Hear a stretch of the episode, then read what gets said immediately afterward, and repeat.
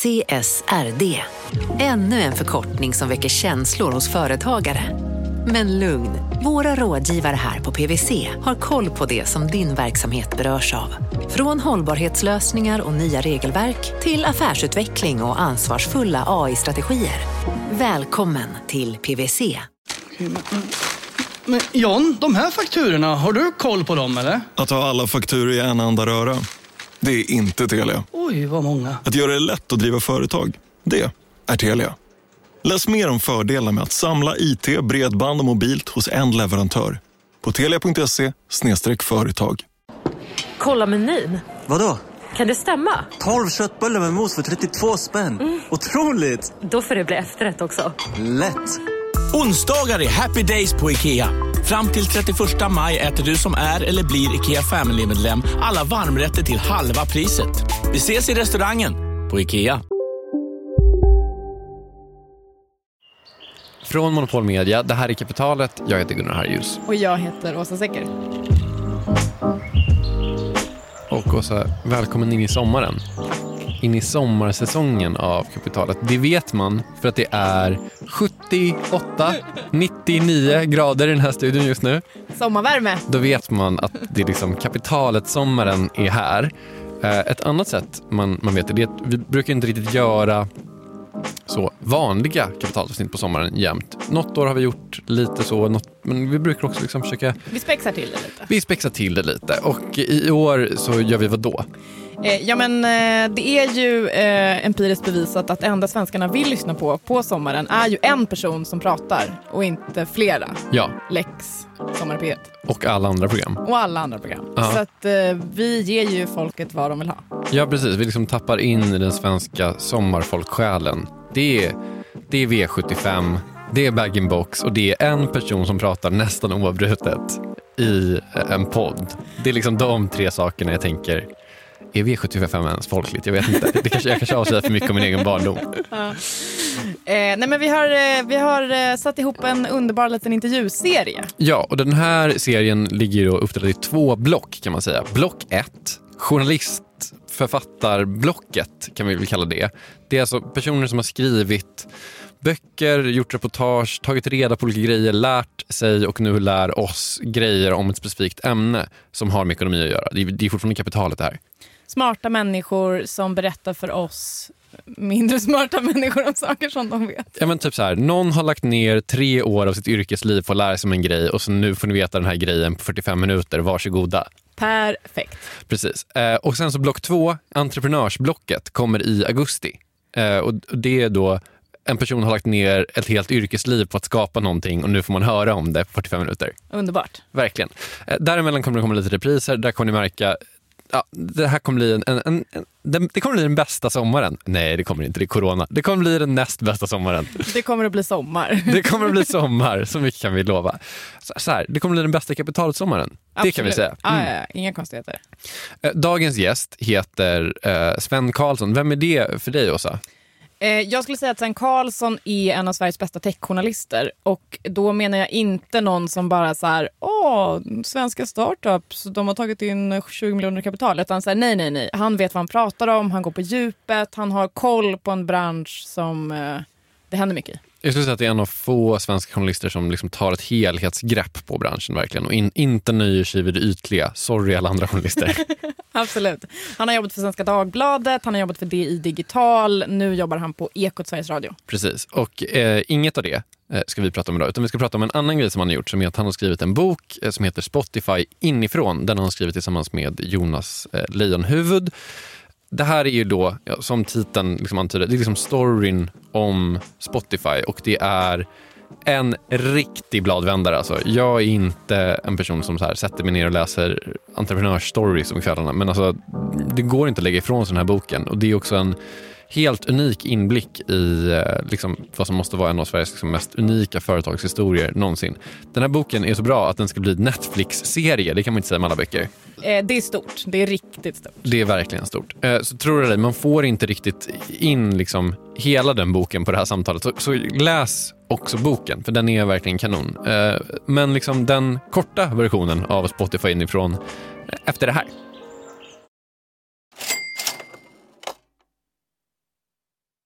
Vi sponsras av Storbrand Asset Management som ju förvaltar över 1000 miljarder norska kronor, bland annat för SPPs eh, många pensionssparare. För två år sedan så investerade Storbrand i drygt 60 tåg, alltså tågvagnar, eh, som rullar mellan London och Skottland. De leasar sedan de här tågvagnarna till tågoperatören som alltså kör tågen och säljer biljetter och sånt eh, med ett avtal på 27 år.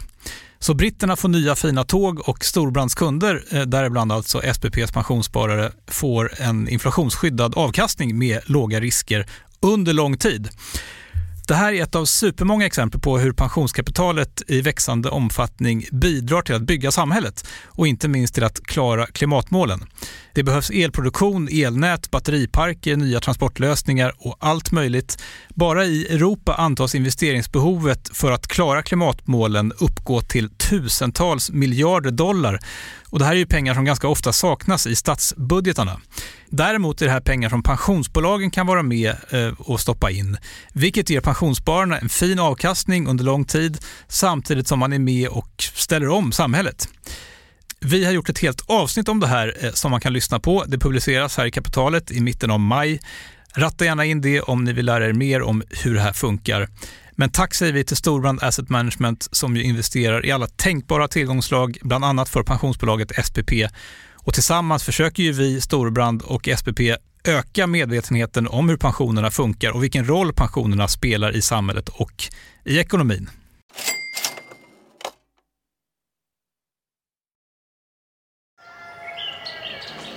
Här är då Sven Karlsson som berättar om varför det blev just han som kom att berätta historien om just Spotify.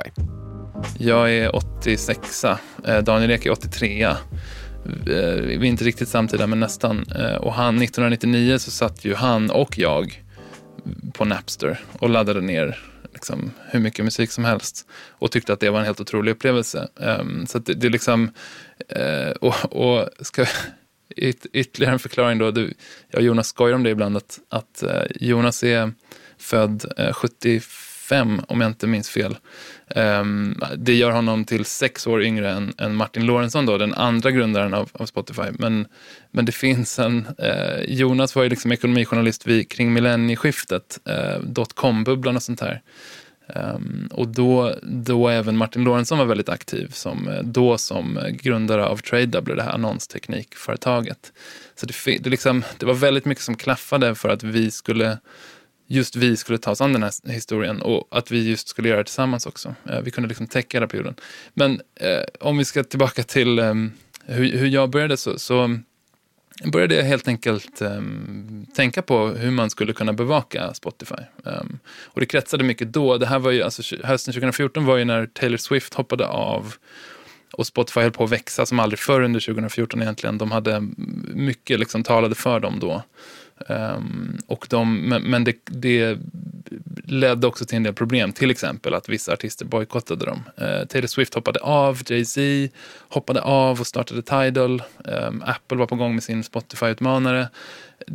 Det, liksom, det var ju då streamingkriget, eller vad man ska kalla det, drog igång uh, på allvar. Det var då Spotify fick, liksom, streaming blev en accepterad modell liksom vedertaget att det var framtiden eh, och Spotify fick nya och större konkurrenter än, än tidigare. Så det var, liksom den, det var liksom nyhetsingången då.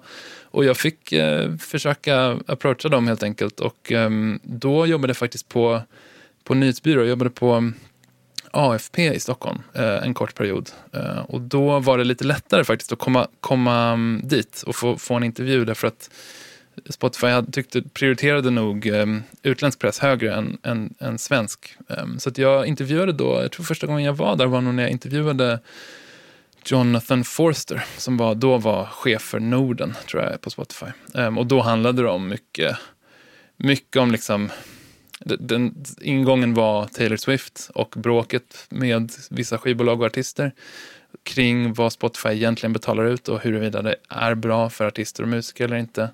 Vilket var en väldigt känslig fråga förstås. Um, och sen så handlade det väl om eh, ja, men de liksom, klassiska grejerna som, som man har pratat om vad gäller Spotify de senaste åren, nämligen då liksom, när, när ska de till börsen, när ska de bli lönsamma? Um, mm. Okej, okay, så man kan säga att din, din story börjar någonstans liksom mitt i det här streamingkriget och Taylor Swift, men eh, bokens historia, eller boken börjar på flera ställen kan man väl säga. Men, men ett, en av startpunkterna, den första startpunkten egentligen, var 2005 egentligen. V- Vem är, liksom, vem är Daniel Ek 2005?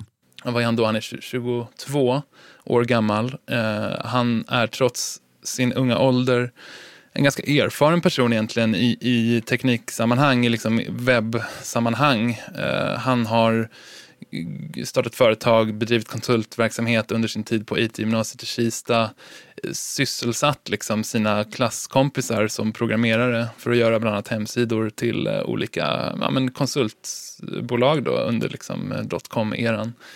Han, han var ju liksom en ganska tillbakahållen, lite blyg person skulle jag väl säga. Lite nördig men musikintresserad, teknikintresserad, eh, intelligent. Ehm, och han hade ett väldigt försprång vad det gällde just att tänka liksom, teknik och affärsidéer.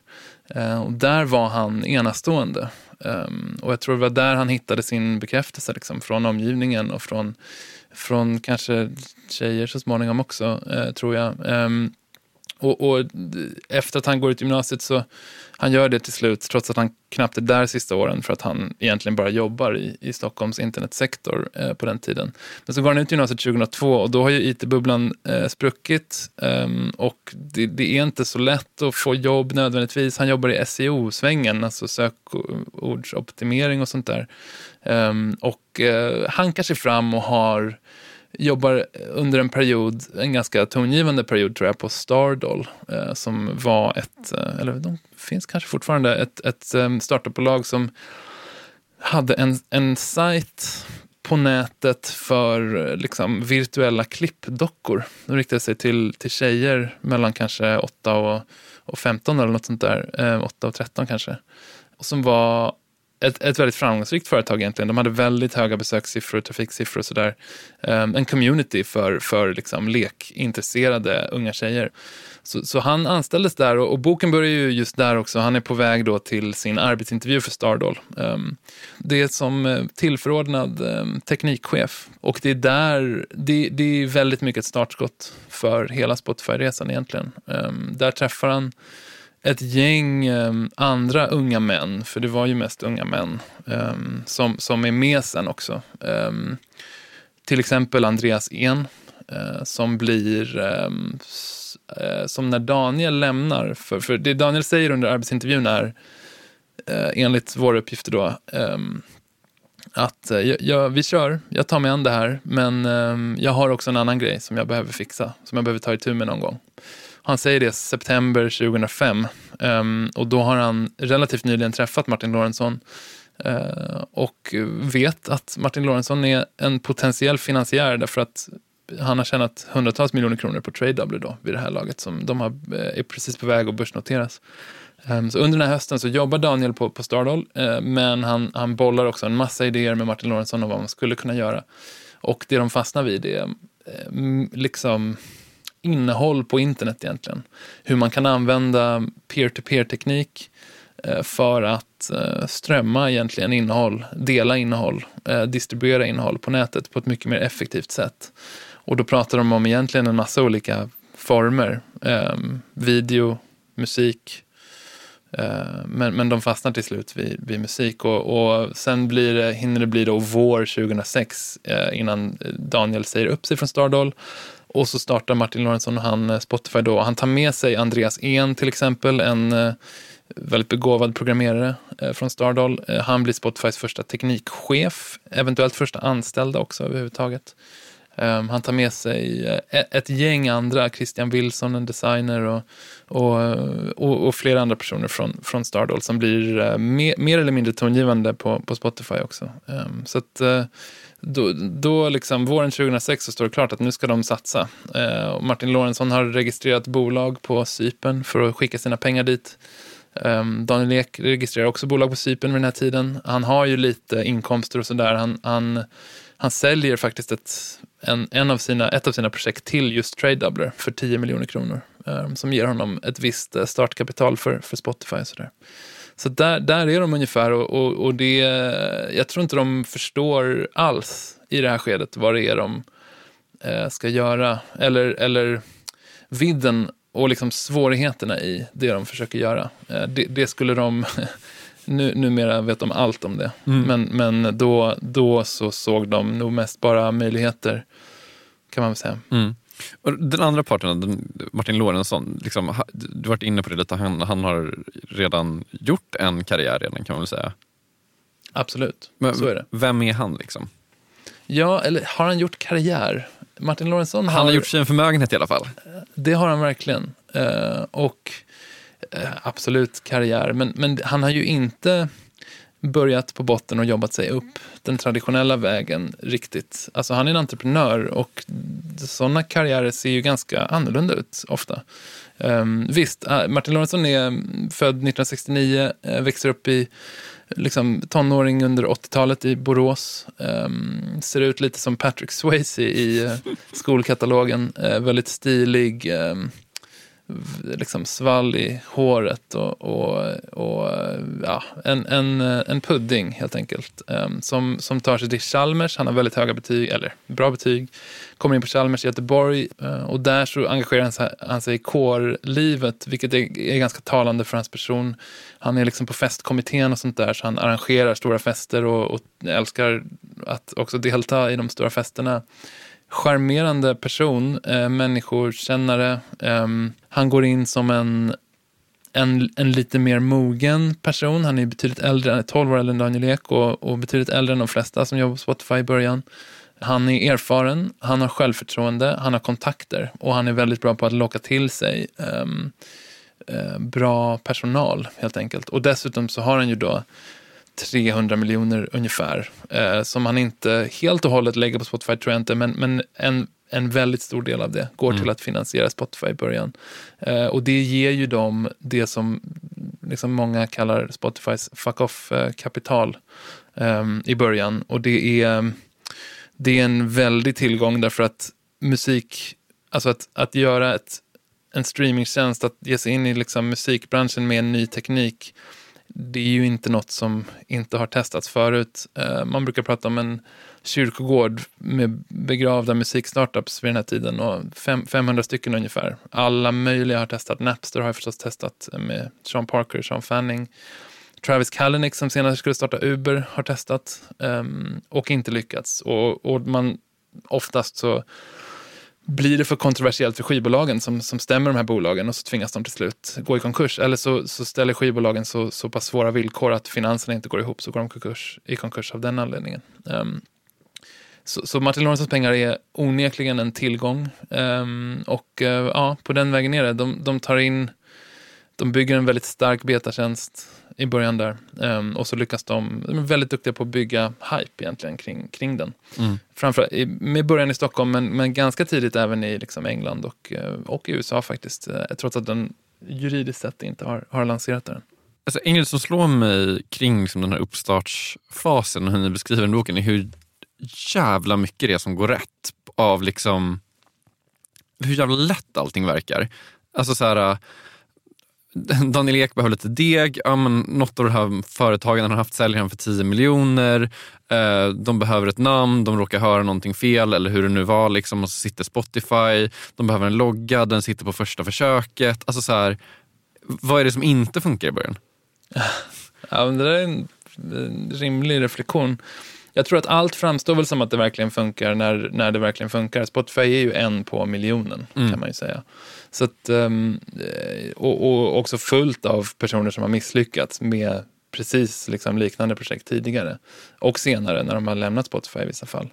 Ehm, så att jag tror att liksom med, när man blickar tillbaka på den största svenska bolagssuccén någonsin så framstår ju allting som att det, det var ganska lätt. Men jag tror att varenda person vi har pratat med skulle nog understryka det, att det har varit oerhört svårt och betydligt svårare än man skulle tro Mm. att driva det här företaget. Och fortfarande, fortfarande så är det så. Ehm, vad är det som går fel i början? Ja, alltså de underskattar ju verkligen hur svårt det ska vara att få, få ombord skivbolagen. Daniel Ek berättar senare hur han eh, trodde att, nej men, jag googlade på musiklicenser och så kom jag fram till att eh, det, det stod någonstans att eh, musiklicenser kanske kostar ungefär 5% av omsättningen per år. Och så tänkte han då Eh, att det är väl fine. Om vi omsätter 10 miljoner så, så får de eh, 500 000 och då behåller vi 95% av pengarna. i själva verket så skulle ju Spotify, när de till sist fick sina licenser efter eh, ja, ett år, nästan två år av ständiga förhandlingar med, med skivbolagen, så skulle de ju betala mer än vad de tjänade. Mm. Alltså de, det vill säga det gick pengar direkt från Spotifys ägare till skivbolagen bara. Och, och än idag då så är väl, eh, jag tror att Spotify behåller ungefär 25 procent av sina egna intäkter. Mm. Resten går till eh, rättighetsinnehavarna. Så att eh, det där var en, det där hade ju kunnat döda Spotify. Utan tvekan. Men Mm. de lyckades och eh, jag skulle väl säga att många som har sett de där licensavtalen och som tittar på affärsmodellen och, och, och liksom Wall Street, när de tittar på affärsmodellen idag, eh, så är väl det den stora reservationen. Liksom. Hur ska man någonsin kunna bygga en affär på något som är så dyrt att driva? Eh, musik, inte, mu- musikdistribution digitalt eh, liksom, är inte en bärkraftig affärsmodell. I alla fall inte om man jämför med eh, Facebook till exempel eller Google som ju har enorma vinstmarginaler. Eh, det var någonting man verkligen underskattade. Vad mer gick fel? Men, man har ju ständigt kämpat med, med artist, liksom relationerna till artister och till musikvärlden. Spotify är ju inte sprungna ur den världen. Spotify är sprungna ur KTH egentligen. Eh, liksom Stockholms teknikvärld. Ehm, det är ett bolag som i mångt och mycket är byggt av ingenjörer, framförallt i början.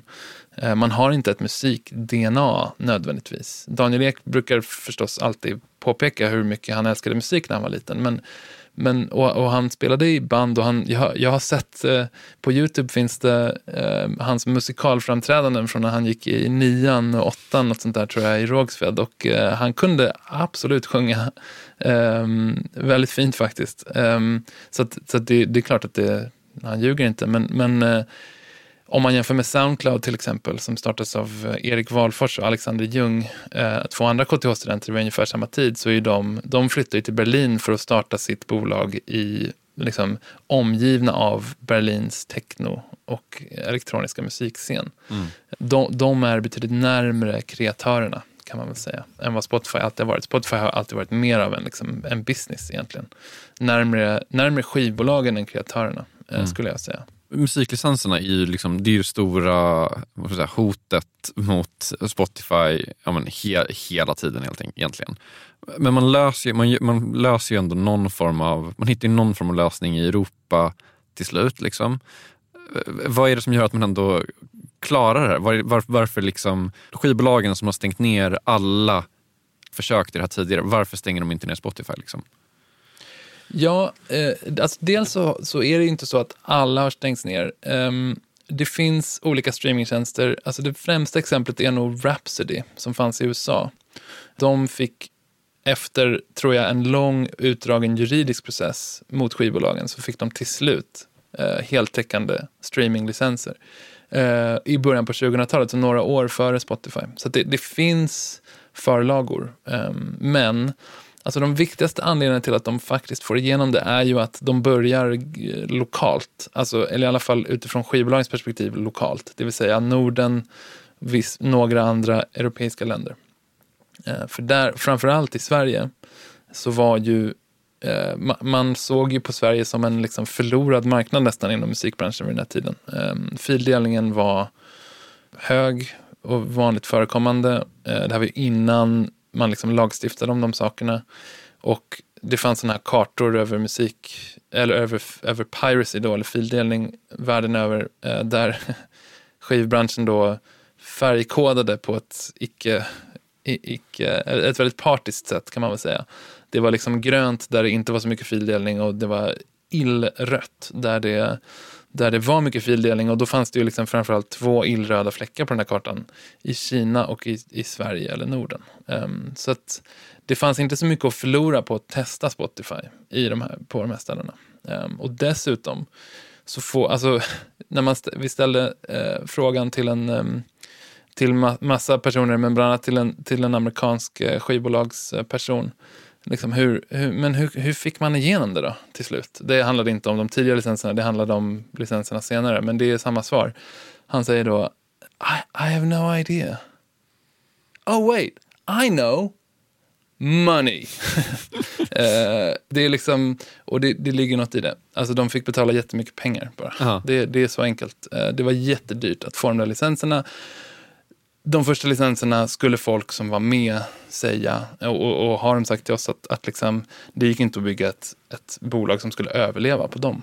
Alltså, det var ju liksom upplagt för att Spotify skulle köra i några år och sen förmodligen gå under, men under tiden betala en massa pengar till musikbranschen. Mm.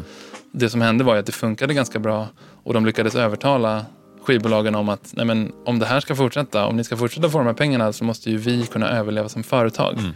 Låt oss få lite bättre villkor. Och den processen är ju, ehm, den har pågått ända sedan dess.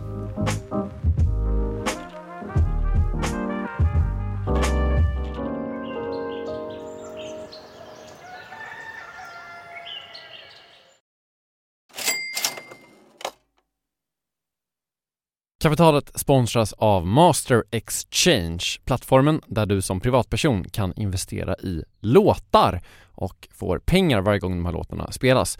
Eh, vi berättade ju senast eh, om barnlåten Puff the Magic Dragon som noterades av Master Exchange under våren. Nu har utdelningen på den låten kommit, eller royaltyn som vi säger i musikbranschen. Eh, den ligger på drygt 12% i årstakt och det här är ju en avkastning som är helt okorrelerad till eh, börsen. Till och med Goldman Sachs har börjat skriva om just musik som investering eh, just ur det här perspektivet. Nu finns en möjlighet att investera i en ny låt. Eh, låten heter Boss Bitch och den är av Doja Cat som, alltså jag ska inte säga att jag är superdeep här, men det är ändå en, en, person som jag vet om det är. En, en världskändis. Den här låten gav, baserad på förra årets spelningar, en avkastning på drygt 13% Master Exchange har just nu en väntelista på registreringar. Det, det, går lite för bra för dem kan man säga. Men skriver ni in kapitalet som promo code så kan ni runda kön och ansöka om andelar i låten Boss Bitch ändå. Om ni investerar helt vanliga pengar, det är inget krypto eller sånt där, så vill du investera i musik och få en avkastning som är helt okorrelerad med börsen och kanske inte minst för att det är kul att äga låtar så kan man gå in på masterexchange.com och använda kapitalet som promocode så går man alltså förbi kön. Kom ihåg dock att alla investeringar är förenade med risk men vi säger stort, stort tack till Master Exchange. Kapitalet sponsras av Karla, Jakob.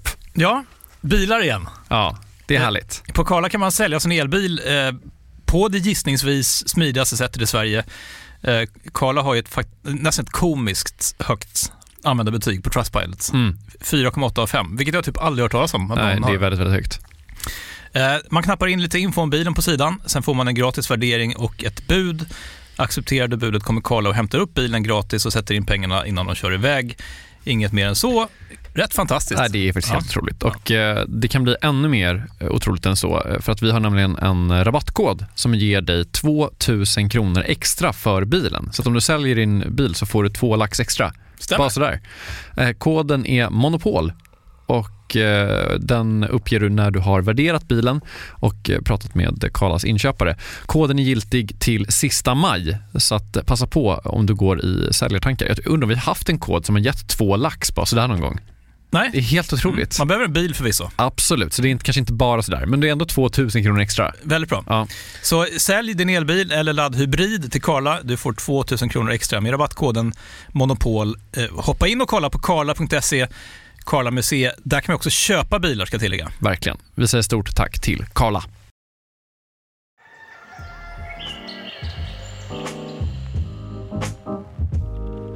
Men vi hoppar lite historien framåt till när de ändå har satt lite avtal. De eh, har satt appen kanske, som är en jättestor stor liksom, breakthrough och sådär. Det liksom stora hindret kommer väl i, i form av någon form av liksom, USA-försök. Vad är det som inte går i USA? Alltså hela Spotifys existensberättigande eh, är ju som en global musiktjänst. Det är ju det enda de, är beredd, de, de vill göra från början. De tänker väldigt stort. Eh, da, både Daniel och Martin tänker väldigt stort. Um, och det är USA som gäller. Så att, alltså Daniel Eks idé var väl att, och Martins idé också var väl att vi ska ha licenser i USA redan från början. Så de åkte på, de satt på ett flygplan, eller i alla fall Daniel satt på ett flygplan i, i eh, många månaders tid, fram och tillbaka dit och till andra länder för att försöka få till det. Men det gick inte. De blev bara utskällda egentligen av pressade skivbolagschefer som, som eh, såg eh, den här sortens, alltså när Daniel Ek kommer in och säger jag vill ge bort er musik gratis och ska den finansieras av reklam, så är det en skymf, tycker, tycker många. Um, så det, det, går inte um, att komma in där, men, men det är det enda som gäller för Spotify. Alltså det är ju det stora målet. Och, och når de inte det under de här första åren så, så vet nog alla på det där företaget att då, då är det kört. Liksom. Och, och, när man går tillbaka så ser man ju då att de är ganska frispråkiga intervjuer i början därför att de är väl lite naiva och har inte förstått hur svårt det här skulle bli. Så Daniel Ek säger upprepade gånger så här att men, vi ska absolut till USA, vi ska till USA 2009 så är vi där. Ge oss några månader. Shakil Khan som är en av hans rådgivare som verkar i London framförallt säger till och med så här, ja men vi ska till Kina om några månader. Vilket de fortfarande inte har lyckats med för att det, det är ju ännu svårare. Men, men eh, de måste in i USA och där finns det ett oerhört motstånd från musikindustrin kan man säga och ett motstånd från Apple och, och, det är ganska mycket den rivaliteten som, som bokens liksom dramatik kretsar kring. Uh, Apple äger ju digital musikdistribution vid den här tiden i princip. Därför att de har lanserat, eh, de har liksom lyckats ta musikbranschen no några steg ifrån fildelningen som ju var en enorm kris i början av 2000-talet eh, genom att lansera iTunes. Eh, inte bara själva liksom spelaren, MP3, liksom Winamp-liknande spelaren, utan, utan också iTunes Music Store, då, alltså där man köper musik och så småningom filmer och, och annat. Men, men um, och blev även poddplattformen ju som, som, um, som har vuxit jättemycket sedan dess. Men, mm. men uh, de har iTunes och iTunes 2010 där någonstans så, så, finns det uppskattningar om att nej, men iTunes har i princip ett monopol på, på digital musik uh, i USA. Eh, det är, så, det är så skivbolagen tjänar sina pengar och det är inte perfekt. Eh, de har, iTunes har till exempel liksom förstört albumformatet, tycker många. Därför att man köper inte album på iTunes i regel, utan man, man går in och så, så plockar man liksom precis de låtarna man, man vill ha för en dollar styck. Så att ett, ett, eh, istället för att lägga 12-13 dollar eller vad det var på ett album så lägger man kanske 3 dollar på de tre låtar man faktiskt vill ha. Vilket stör skivbolagen och stör artister. Men, men det är ju riktiga pengar. Ehm, och det är i samarbete med Apple som, som når ut ganska brett med iTunes och som till och med har iTunes för Windows, eh, vilket är ganska ovanligt för Apple att de lägger sina tjänster utanför sitt eget ekosystem. Så det där är liksom den rådande ordningen och musikbranschen är extremt defensiv eh, i de här frågorna. De vill inte testa nya saker och, och framförallt vill de inte liksom ge bort sin musik gratis eh, när de kan sälja den istället. Eh, vi har till exempel en källa som går on record och säger att nej men Steve Jobs ringde upp mig, det här är en chef på Sony Music i New York som är chef för digital, den digitala divisionen där och, och säger att nej men Steve Jobs brukade ringa mig och så sa han Why would you want to give your music away for free? Ungefär. Um, så han, han liksom ligger på skivbolagen och han ligger även på Universal och det, det är det som försvårar det. De vill inte, skivbolagen vill inte försämra sin relation till Apple och de vill inte riskera att ge man, att ge bort sin musik till Spotify och, sam, och, och så riskera att uh, försäljningen via iTunes sjunker. Så det, det, där är det som är så knepigt. Uh, och de tvingas till en massa eftergifter, Spotify, för att få igenom det. Återigen, pengar. Um, mm. det, Sony får ett jättestort optionsavtal till exempel i, i, i Spotify som vi avslöjar i boken. Och um, Universal får um, får en, en deal som, som gör att om Spotify skulle säljas så får de extra betalt. Eh, hundratals miljoner kronor, uppåt en miljard kronor till och med. Om, om det händer då. För de vill inte att, Universal vill inte ge Spotify-licenser, så kommer de in i USA och så säljs de till Google plötsligt. Och då plötsligt sitter skivbolagen i händerna på Google med det här. Och där har man dåliga erfarenheter av YouTube till exempel, rättighetsmässigt. Um, så det, det, det, är en massa eh, liksom, intrikata upplägg som gör att till slut får Spotify komma in i, i USA. Ehm, men, men det, det är ju liksom, Daniel Ek har ju sagt att varje företag bör ha, varje framgångsrikt företag har ungefär två, tre nära döden-upplevelser och ja, USA-lanseringen är ju garanterat en av dem. Till slut mm. så, så, kommer de in där, mitten på, på 2011. Mm. Är det då liksom den stora segern som de har drömt om? En delseger i alla fall. Uh, för, för det är ju då arbetet börjar. Spotify hade ju inte hittat sitt framgångsrecept i USA förrän ja, men 2014 kanske. Eh, och även då såg allt väldigt osäkert ut. Så att, eh, nej, det, det, de var inte klara där på långa vägar. Men de hade hjälp av Mark Zuckerberg, Daniel Ek och Mark Zuckerberg blir kompisar. Facebook hjälper Spotify växa i, i USA i början. Um, men men det, det skulle ta väldigt lång tid. Jag tror att liksom 2014 börjar, börjar man hitta modellen för att, för att klara, liksom bli en stor angelägenhet i USA. För det är ju bara det. Spotify spelar ett sånt högriskspel med investerare och förluster och, och allting. Att liksom det enda som räknas är om man kan bli störst Mm. och global. Det, annars går det inte. Blir man inte det så, så då går vi hem. Liksom. Ehm, så känner nog både Daniel Ek och Martin Lorentzon fortfarande. Ehm, så, så att man hittar någon sorts framgångsrecept 2014 men det är inte förrän 16, 17 som man Nej, men som, som det, man börjar tänka att nej, men det, här går, det här kommer nog gå. Mm. Alltså, vi kommer nog att kunna ta oss till börsen och eh, liksom kla, klara det, helt enkelt.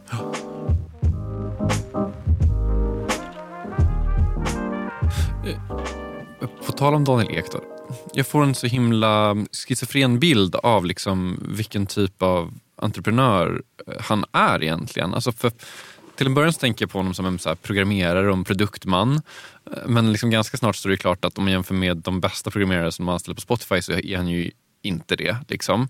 Och sen får han uppgift att vara liksom den stora förhandlaren i början men det tar ändå sjukt lång tid att få fram de här licenserna. Så det, alltså, och sen så framstår han också, liksom, en del av Spotifys liksom, stora framgång i såklart hypen och hypebygget och han verkar ju verkligen förstå vikten av hype och, och liksom PR och sådär samtidigt som han själv verkar framstå som ganska blyg.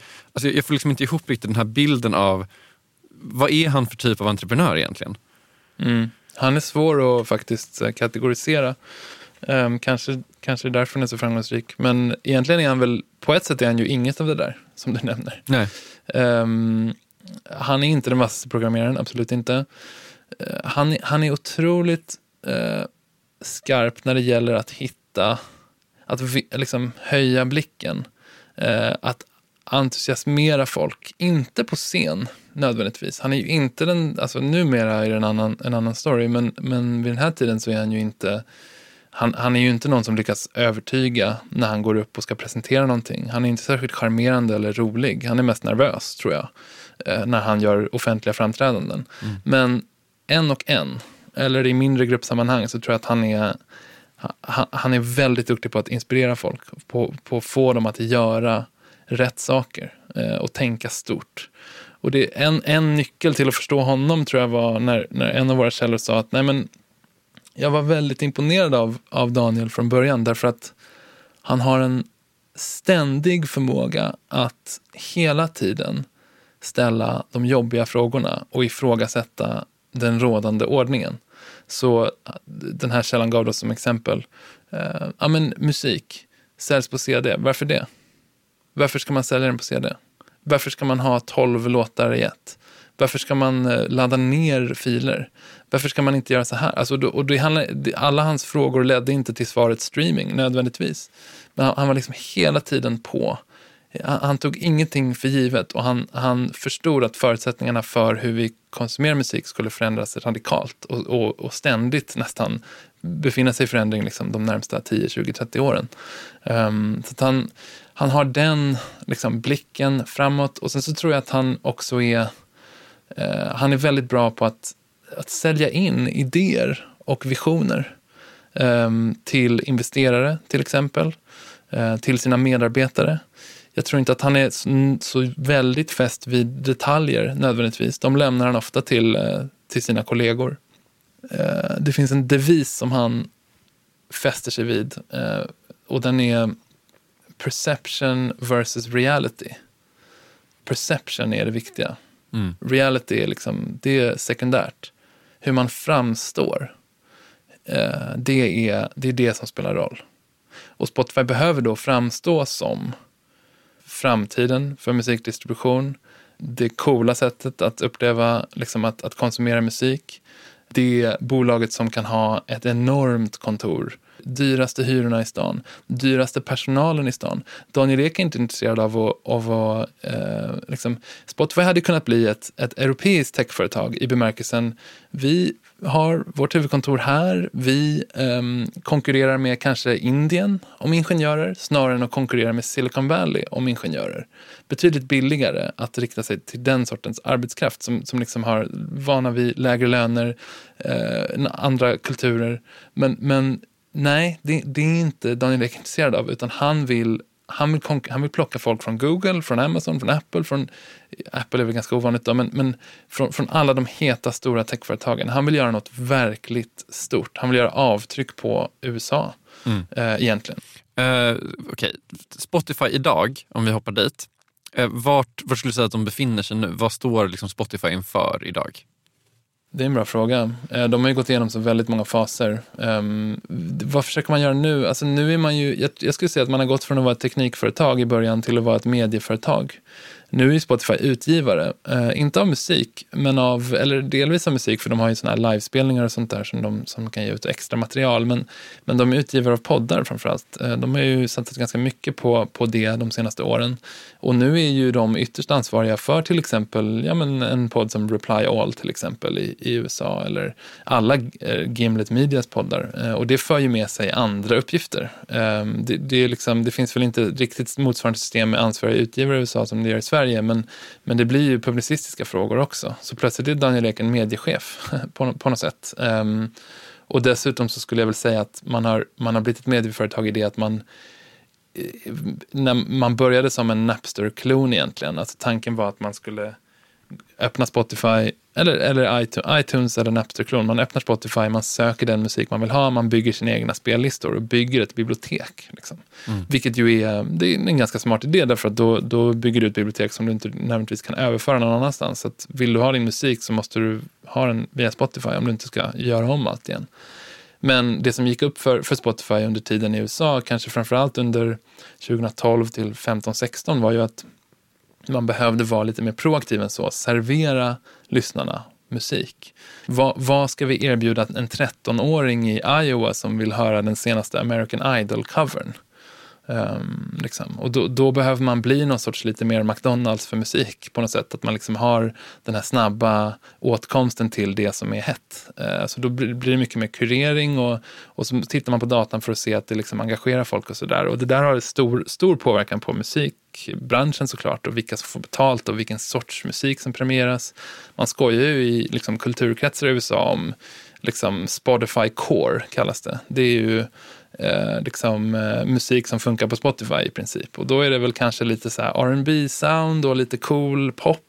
Och så får det gärna handla om sex kanske. Och så ska liksom refrängen ska börja inom 30 sekunder och, och, och melodin ska börja inom 3 sekunder. Ja, men, du vet, alltså det mm. blir som att Spotify är, en, ett, lite, är inte ett skivbolag, men de, de är en radiostation åtminstone i det att de, de uh, har väldigt stor makt över, över musiken. Och det, det är viktigt, dels för att de ska liksom engagera Alltså få, få användarna att tycka om tjänsten och stanna kvar, men också för att de ska få lite bättre siffror. För att om de kan påverka vad man lyssnar på så, så kan de styra det eventuellt eh, på sikt eh, mot musik som är lite billigare att licensiera kanske. Där, man, där, där liksom marginalerna ser eh, bättre ut. Mm.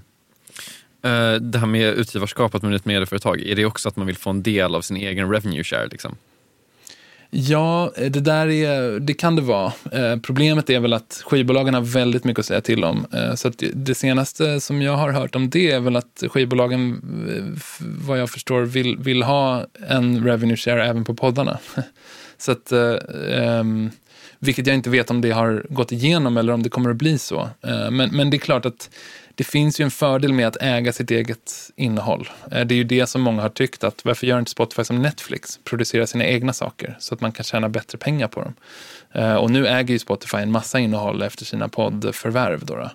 Eh, men, men det, det, är liksom, det är klart att det finns, alltså unit economics eller vad man ska säga på på poddar eller på eget, egeninspelad musik eller så eh, skulle ju teorin kunna vara bättre än, än musiken de får från skivbolagen som är så väldigt dyr att streama. Men problemet är att alltså, de här avtalen med skivbolagen är ganska intressanta för att det sägs att de är så oerhört hemliga att det finns ingen som har sett allt. I princip. Alltså, varje sida får gå in och verifiera att det är vad de har kommit överens om, men det är liksom ett fåtal personer, kanske inte ens Daniel Ek, som får se det finstilta i de här avtalen, för det är så väldigt hemligt. Um, och, och där, jag tror att det finns mycket tolkningsutrymme som gör att skivbolagen ska kunna vara en, liksom, eh, en nagel i ögat på, på Spotify när de till exempel utvecklar nya affärsidéer. Så att de sitter lite i en, i en affärsmässig rävsax eh, fortfarande och eh, ja, de, de klarar sig ju. De, de är ju knappt lönsamma. Eh, de, de verkar ju liksom kunna klara den biten av affären, men så småningom kommer Wall Street vilja se vinster och eh, jag, jag tror att det är, så här, det är fortfarande rätt oklart hur, hur det ska gå till. Ehm, så att eh, dramatiken är liksom kvar i den här berättelsen. Sista ordet är med andra ord inte sagt. Sista ordet är sagt av Sven Karlsson i den här intervjun. Hans bok heter alltså Spotify inifrån. Den har han skrivit tillsammans med Jonas Leijonhufvud. Kolla in den. Eh, Kapitalet är tillbaka nästa vecka igen med en ny intervju som du har gjort, Åsa. Japp. Härligt, ser fram emot det. Ja, tänkte inte säga eh, någonting om den. Nej, okej. Okay. Kanon. Vi hörs igen eh, då. Kristoffer eh, Krook har mixat det här. Du heter Åsa Secker, jag heter Gunnar Harjus. Sven Karlsson heter Sven Karlsson. Och vi är tillbaka igen om en vecka. Ha det så härligt ute i junivärmen. Hej då!